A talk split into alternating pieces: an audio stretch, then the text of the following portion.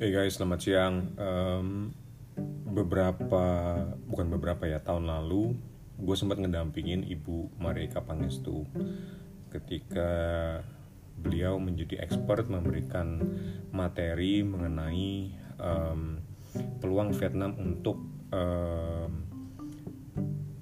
melompat tinggi dalam hal pertumbuhan ekonomi. Dan setelah selesai seminar itu, ada wartawan Vietnam yang ngedekat ke Ibu Marika Pangestu dan dia mau minta interview. Minta interview, gue ngobrol sama Bu Mari, Bu ini udah mau interview, apakah Ibu berkenan? Dijawab berkenan. Interviewnya lancar, baik-baik aja sampai satu sampai ketika inter, apa wartawan itu nanya mengenai satu hal, yaitu mengenai night night ekonomi apa pandangan Ibu Marika Pangestu mengenai night ekonomi di Vietnam. Um, gue pada saat itu memang masih agak bingung ya konsep night ekonomi. Sebenarnya kebingungan kebung, Bu Mari juga bingung juga dengan konsep night ekonomi. Sebenarnya kebingungan kita Bu Mari ataupun gue adalah karena di Indonesia itu tidak mengenal net ekonomi. Ketika kita berbicara net ekonomi langsung pada saat itu ya jujur gue berpikiran oh clubbing kali ya, club semacam club jadi ternyata um, ke sini gue baru pelan-pelan gue mulai agak aware bahwa memang um, ini serius. Perdana menteri Vietnam Nguyen Xuan Phuc itu meminta agar um, net ekonomi itu ditingkatkan di Vietnam.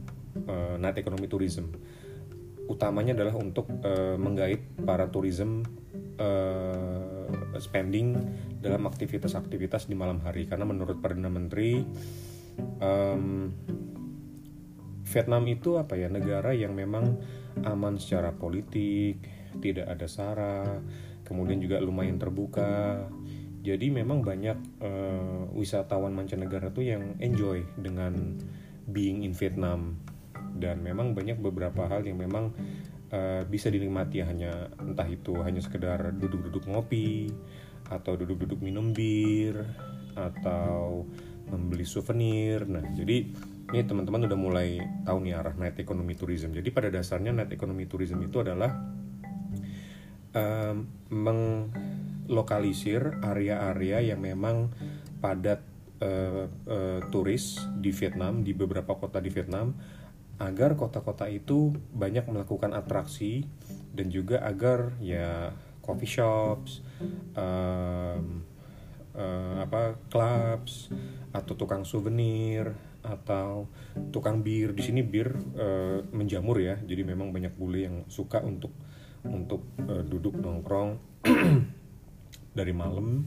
dari jam 12 malam sampai jam 6 pagi. Dan ketika memang mereka uh, di lokasi lokasi-lokasi itu di di apa ya ditambahkan didukung dengan beberapa atraksi musik atau flash mobs itu akan menambah keriaan sebagai contoh, um, oh ya, si perdana menteri Vietnam itu meminta agar si night economy tourism itu di, dikembangkan di daerah yang memang padat wisman seperti Danang, Ho Chi Minh, Nha dan juga Hanoi. Di Hanoi ini nggak jauh dari tempat gue kerja, itu ada daerah namanya Huan Kim Lake. Itu tuh turis banyak situ karena di situ ada Old Quarter. Old Quarter itu penuh dengan kafe, penuh dengan bar, penuh dengan uh, uh, apa pusat souvenir. Nah, pemerintah uh, provinsi itu uh, akhirnya mereka membuat Car Free Day di Hanoi. Car Free Day-nya itu dimulai dari Jumat malam. Jadi Jumat malam itu jam 6 itu udah mobil-mobil nggak boleh lewat situ sampai hari Minggu jam 12 malam. Kebayang nggak dari Jumat malam uh, 18.00 sampai Minggu pagi jam 12.00 itu Car Free Day. Dan sepanjang dari Jumat Sabtu Minggu itu biasanya ada atraksi musik. Dan di situ tuh juga masyarakat Vietnam tuh datang dengan misalnya ada atraksi kayak apa ya um, apa sih kayak delman-delman gitu yang orang warni terus orang bisa naik keliling apa Wan Kim Lake. Terus kemudian juga banyak uh, orang Vietnam yang menawarkan ini mainan anak-anak yang apa two wheelers ataupun um, apa mobil-mobilan anak-anak yang bisa keliling-keliling itu uh, jual balon kemudian ada juga main uh, olahraga di situ bulu tangkis atau sepak takraw. Jadi memang area itu besar uh, dilokalisir dan di sekitarnya tuh banyak coffee shops. Orang cuman mau ke situ ngeliat keramaian uh, duduk di lantai dua lantai tiga sambil minum kopi atau makan kue ngeliat ke bawah.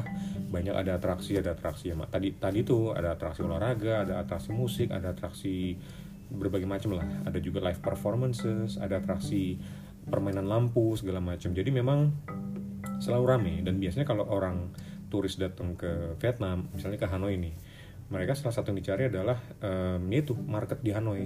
Uh, Car Free Day tadi. Jadi ya biasanya ya kita tunjukin kita bawa ke sana ngelihat um, Huan Kim Lake ngelihat Car Free Day dan juga sempetin ke Old Quarter. Karena di Old Quarter tuh banyak souvenir-souvenir baju pernak-pernik sutra dan sebagainya.